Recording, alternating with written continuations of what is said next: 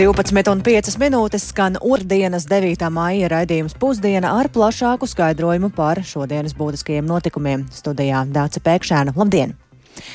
Valsts kapitāla sabiedrības grib kotēt biržā. Par to ir paziņojis ministru prezidents Krišjānis Kāriņš no jaunās vienotības, un valdība par to varētu spriest nākamnedēļ. Riskus un varbūtējos ieguvumus vēl vērtēs, bet daļa lielo uzņēmumu jau pat labāk atbilstot kritērijiem, tā pauž ekonomikas ministre Ilza Indriksone no Nacionālās apvienības. Ko šāds solis nozīmē un vai valstī pilnībā piedarošo uzņēmumu akcijas varēs iegādāties ik viens, to ir centusies noskaidrot Zāne Ēniņa, un kura šobrīd pievienojas studijā. Sveika, Zana! Labdien! Jā, par uh, valsts kapitāla sabiedrību kotēšanu biržā premjeras Krišjāns Kariņš vakar izteicās kā par pareizu soli un nepieciešamību. Runājot par lielajiem valsts uzņēmumiem, viņš, viņš lietoja vārdu begemoti un pauda, ka šo milzeņu izlikšana fondu biržā ļautu gan iegūt papildus līdzekļus attīstībai, gan mazināt politisko ietekmi kapitāla sabiedrību pārvaldībā. Paklausīsimies! Tas, par ko ir bijis runa visu laiku, nav privatizācija 90. gada izpratnē, bet ka viena daļa, viena mazākuma daļa valsts kapitāla sabiedrības varētu kotēt fonda biržā līdzīgi kā tas notiek kaimiņu valstīs un daudz kur citur. Kuri uzņēmumi, kāda proporcija, tas ir vēl neizdiskutēts jautājums, bet ka šajā virzienā mums būtu jāiet. Es varu tikai teikt, ka es simtprocentīgi piekrītu mūsu ārvalstu investoru padomēji. Mēs par šo arī ļoti ilgi debatējam, veidojot šo valdību, un es ceru, ka mēs varēsim virzīties uz priekšu. Arī ekonomikas ministra Ilza Indriksona no Nacionālās apvienības izteicās, ka kapitāla tirgus attīstība ir valsts prioritāte un liels izaicinājums, un ka ir gan valsts, gan pašvaldība uzņēmumi, kurus jau drīz varētu kotēt biržā, kas ļautu iegūt papildus līdzekļus attīstībai un arī padarītu caurspīdīgāku šo uzņēmumu pārvaldību. Lūk, kā izteicās ekonomikas ministre. Faktiski šobrīd jau daļa no kapitāla sabiedrībām, varētu teikt, obligācijas izlaižot un iegūstot papildus finansējumu, izpildu šos te biržas eh, nosacījumus no kapitāla sabiedrību pārvaldības viedokļa, kas ir ļoti labs rādītājs un kas uzlabo kapitāla sabiedrību darbu, bet strateģiskos resursus pārvaldošās kapitāla sabiedrības, eh, kas mūsu izpratnē ir, piemēram, Latvijas valsts meži un arī Latvijas energo, noteikti nebūtu tās pirmās, kas būtu jākotē biržā, bet noteikti ir kapitāla sabiedrības, kuras varētu jau tuvākajā laikā to darīt. Jāpiebilst, ka šī ideja par eh, valsts un pašvaldību kapitāla sabiedrību kotēšanu biržā nav jauna. Eh, piemēram, tā bija viena no prioritātēm jau Māra Kučīnska vadītāja, vadītāja valdībai tajā laikā, ap 2017. gadu. Izskanēja, piemēram, ka Latvijas pensiju fondi ir izrādījuši interesi par iespēju investēt ieguldījumu plānos uzkrātos līdzekļus. Uh, vietējos uzņēmumos, bet tā būtu iespēja savu naudu šādi ieguldīt jebkuram interesantam. Uh, tajā laikā diskusijās parādījās informācija, ka Latvijas pastāvīgo iedzīvotāju un pilsoņu uh, kontos snaudošo līdzekļu apjoms ir ap 10 miljardiem eiro. Bet kādā diskusijā pagājušā gada beigās investīciju eksperts Girts Rungainis teica, ka šī summa ir jau divreiz lielāka, pašlaik tie ir 20 miljardi un ka bez tāda aktīva apgrozījuma, bez pielietojuma šī nauda zaudē vērtību, un viena no iespējām, kā to ieguldīt, būtu uh, valsts uzņēmuma akcijas. Bet nu, līdz šim, acīm redzot, ir pietrūcis tieši politiskās gribas, lai um, tad pieņemtu šo lēmumu, ka jā, viss, uh, mēs to darām, mēs uh, liekam valsts uzņēmumus uh, biržā. Paldies Zanai Eniņai par šo stāstījumu un noteikti turpināsim par to runāt arī raidījumā pēcpusdiena. Bet šajā brīdī par to, ka plāno pastiprināt sankcijas cīņai pret vardarbību ģimenē, tajā skaitā, ja netiek pildīts liegums tuvoties personai. To rosina Tieslietu ministrija. Šie likuma grozījumi izstrādāti kā reakcija pēc sievietes slepkavības Jēkapilī, un Saimas juridiskā komisija tos virzīs jau uz šīs nedēļas Saimas sēdi pirmajā lasīmā, taču tos pieņemt cer līdz vasarai. Un turpmākajos lasījumos arī ir paredzēts izstrādāt iespēju, ka policija var ierobežot varmāku izmantojot elektroniskās aproces, un vairāk šajā tematā ir iedziļinājies kolēģis Jānis Kīncis, kurš pievienojas studijās. Sveiks, Jāni! Sveika, Dārts! Sveicināti klausītāji! Jā, šī saimnes juridiskās komisijas sēde turpinājās un noslēdzās gluži nesen.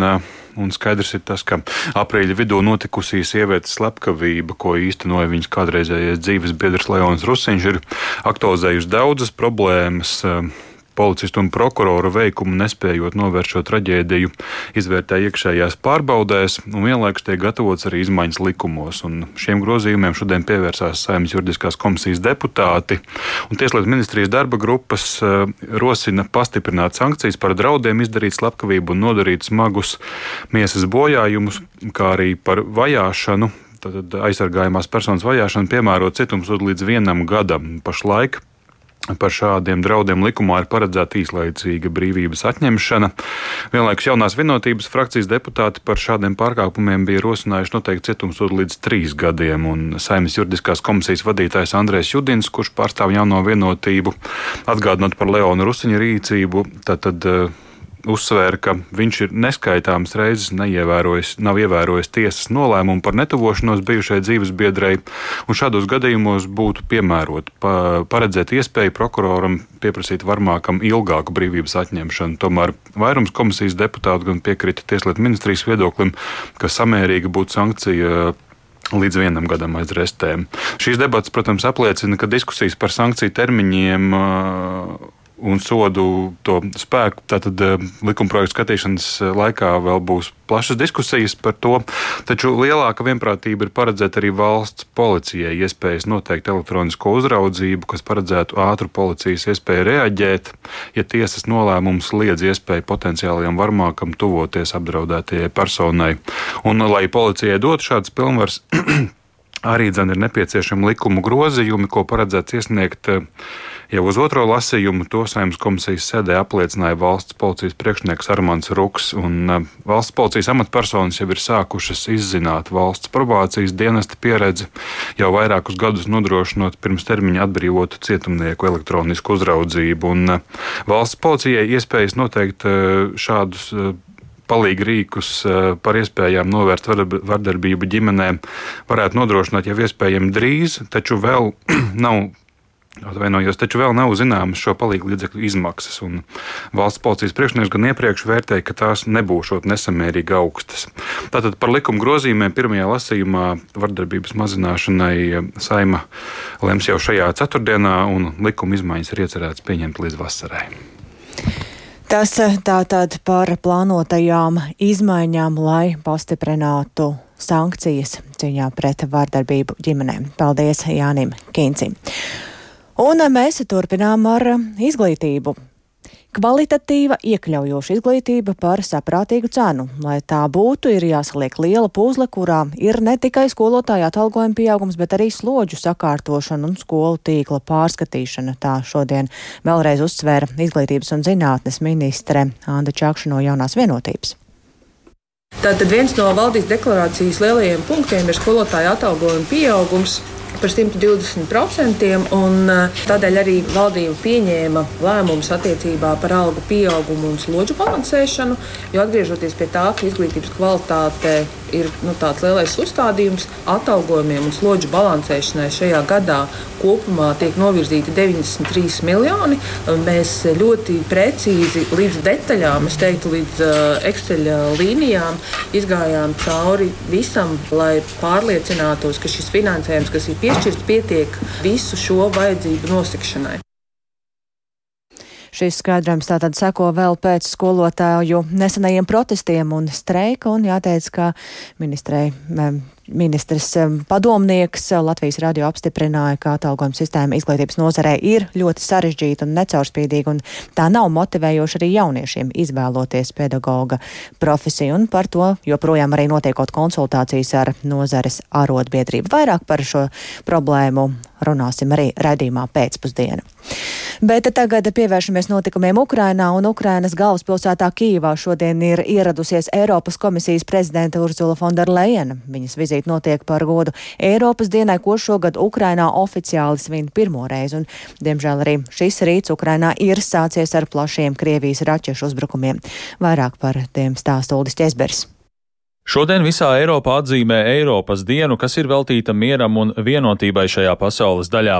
No šī gada Eiropas dienu atzīmē arī kara pārņemtajā Ukrainā, kas līdz šim daudzus gadus 9. maijā svinēja tā dēvēto uzvaras dienu par godu otrā pasaules kara beigām.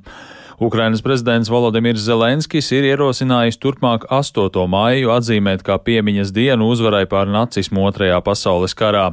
Arī vairums Ukrainas galvaspilsētas Kīvas ielās aptaujātie iedzīvotāji atbalsta lēmumu turpmāk 9. maijā atzīmēt Eiropas dienu.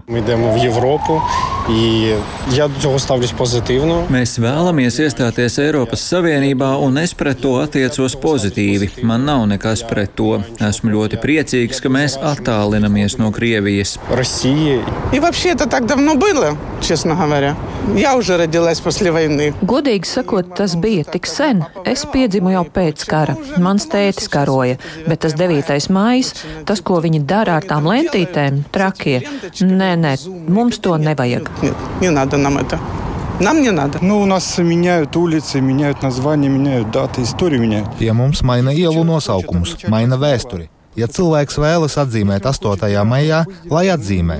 Ja vēlas atzīmēt 9. maijā, lai dara to, bet nedrīkst pieiet pie cilvēka, sist viņam un noraut lentīti vai ordeni. Cilvēki mira par šiem ordeņiem. Viņi veica varoņdarbus, tāpat kā tagad. Ja tā šitā, Šajā nozīmīgajā dienā Kīvā ieradās Eiropas komisijas prezidente Urzula Fonderleina. Pēc ierašanās Kīvā Leina sociālajā tīklā Twitter ierakstīja, ka viņa priecājas atgriezties Kīvā, kur Eiropai dārgās vērtības tiek aizstāvētas ikdienu. Vizītes laikā Leina tiksies ar Ukrainas prezidentu Zelenski un citām augstākajām amatpersonām, lai vēlreiz apliecinātu Eiropas Savienības nelokāmo atbalstu Ukrainai cīņā pret Krievijas agresiju, kā arī apspriestu valsts eiro integrācijas procesu un turpmāko Eiropas Savienības finansiālo un militāro palīdzību Ukrainai. Jāpiebilst, ka šī ir jau piektā Lejenas viesošanās Kīvā kopš pagājušā gada 24. februāra, kad Krievija uzsāka pilna apmēra karu Ukrainā. Eiropas diena visā Ukrainā iesākās ar gaisa trauksmēm un Krievijas raķešu uzbrukumiem. Ukrainas bruņotie spēki paziņojuši, ka pretgaisa aizsardzības sistēmām izdevās notriekt 23 no 25 uzbrucēju izšautajām spārnotajām raķetēm. Nav ziņu par cietušajiem vai nopietniem postījumiem. Bruņoto spēku pārstāvji ir aicinājuši iedzīvotājus saglabāt piesardzību, jo Krievija šodien varot turpināt raķešu teroru. Sagaidāms, ka ASV šodien paziņos par jaunu militāro palīdzību Ukrainai 1,2 miljārdu dolāru apmērā. Šajā palīdzības paketē ietilps arī pretgaisa aizsardzības sistēmas HAUK, pretgaisa aizsardzības munīcija un droni, kas ir paredzēti pretgaisa aizsardzībai. Savukārt Lielbritānija apsver iespēju piegādāt Ukrainai tālas darbības rādījusa raķetes Storm Shadow, raksta izdevums The Washington Post. Ukraina jau ilgstoši aicina rietumvalstis piegādāt tālas darbības rādījus raķetes, jo tās varot palīdzēt izmainīt kara darbības gaitu. Uldis Česberis, Latvijas radio. Tas tātad par šī brīža situāciju Ukrainā, kura šodien arī oficiāli pirmoreiz svin Eiropas dienu, bet Latvijā to atzīmējam jau tradicionāli. Un Rīgā un daudz viet citur Latvijā notiek dažādi pasākumi, šogad īpaši pievēršoties mieram un prasmēm. Par to visu vairāk zina stāstīt kolēģis Viktors Demīdovs, kurš šobrīd pievienojas tiešraidēs. Sveiks, Viktor, kur tu šobrīd atrodies un kāda tur valda noskaņa? Jā, sveicināti. Šobrīd es atrodos Eiropas Savienības mājā, Aspazīs bulvārī Rīgā. Un šeit tātad svētki uzņem apgriezienus, kā jau arī tu minēji, uzmanība pievērsa dažādām prasmēm. Piemēram, šeit Eiropas Savienības mājā daudzi jaunieši, kuri ir ieradušies, var spēlēt dažādas spēles, piemēram, novusu. Te var arī raudzīties kā ar 3D printeri. Tātad acu, tavā acu priekšā veidojas dažādas figūras, piemēram, Pīzes tornis. Pirms pāris minūtēm skatījos, kā tas top. Un skan arī paralēli mūzika. Protams, uzsvars ir arī likts ne tikai uz prasmēm, bet arī uz atbalstu Ukrainai. Un, jā, vārdu sakot, pasākums šeit ilgs vismaz līdz pulksten deviņiem vakarā. Un te, visas dienas garumā notiks plaši pasākumi. Tajos piedalīties var arī viens, es saprotu. Jā, tajos ik viens var piedalīties. Kā jau es minēju, te ir daudzi skolāni ar skolā, skolotājiem ierodas un uh, nāk arī interesanti un, un, un dažādi eksperti uzstājas ar, ar runām un akcentē, ka um, palīdzība Ukrainai tā ir uh, nepieciešama un, un uh, protams, ka tas tās prasmes tās attīsta uh, gan Latviju, gan arī Eiropas Savienību kopumā un vārdu sakot tā. Jā, paldies Viktoram Demīdovam. Tā, tā, tāda pacelājoša noskaņa valda šobrīd Eiropas Savienības mājā un jāteic, ka šajā brīdī no pulksten 12. jau arī iepazīstina ar dalību valstu tradīcijām, aktivitātēm, kas atklāja gan tautu dažādību, gan arī vienotību un solidaritāti, vienlaikus arī iepazīstina ar dažādām prasmēm. Kamēr Ukrainā un daudzās citās valstīs tiešām šo dienu svina kā Eiropas dienu, vairākās bloka valstīs šīs dienas priekšvakarā ir notikušas arī manifestācijas ar sarkaniem karogiem, kas nebūtu nav šai dienai par godu. Latvijā šādas pro padomiskas demonstrācijas nav iedomājams, bet eh, vai nebūtu stingrāk jāuzstāj uz šī režīma slavināšanu, stingru ierobežošanu visā Eiropas Savienības līmenī. To šorīt kolēģi Dāra Zīle programmā Labrīt vaicāja Eiropas parlamenta deputātei no Eiropas Tautas partijas grupas un jaunās vienotības pārstāvēs Andrai Kalnietai. Paklausīsimies viņas sacītajā. Es teiktu tā, ka jo tālāk Krievija, kā Krievijas reālā robeža, ir no attiecīgās valsts jo tāda izplūdušāka attieksme pret šiem jautājumiem.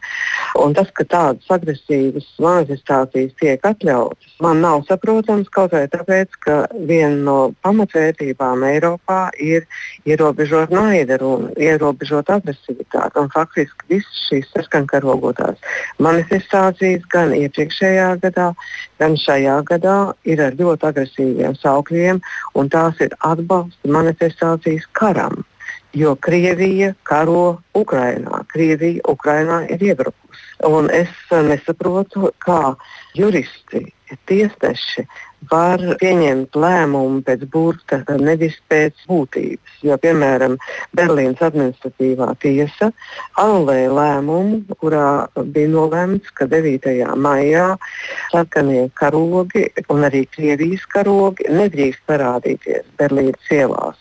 Nu, pašlaik policija ir pārsūdzējusi to augstākās administratīvās tiesas instancē. Nu, lēmums varbūt jau ir pieņemts, bet vakar vakarā par to es vēl nekādu informāciju nebija saņēmusi. Ja.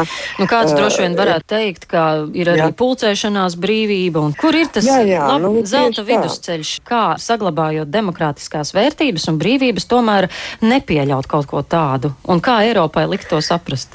Šeit es varu vilkt tikai paralēli ar to, kādā veidā Eiropā mainījās izpratne par komunismu pastrādātajiem noziegumiem. Tas ir ļoti lēns process, un es domāju, ka Eiropai šobrīd ir ļoti grūti saprast, ka viņu liberālisms aiziet par tālu, ka faktiski ar šo pieļāvību viņi apdraud savas valsts sabiedrības stabilitāti.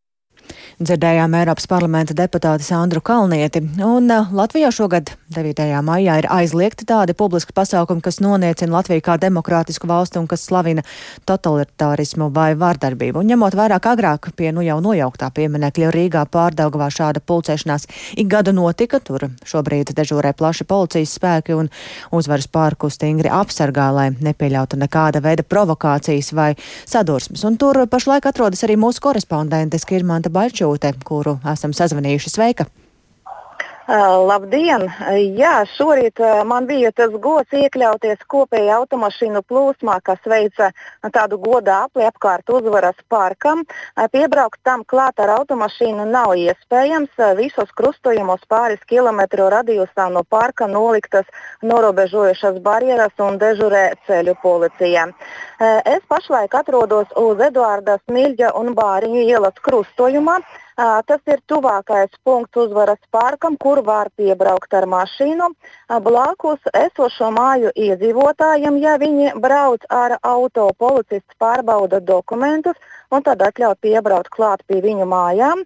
Kas attiecās uz gājējiem un riteņbraucējiem, tad viņi var virzīties nedaudz tālāk līdz žogam, kas norobežo bijušā pieminekļa vietu. Un, jāpiebilst, ka vēl aiz tā žoga atrodas vēl viena barjera.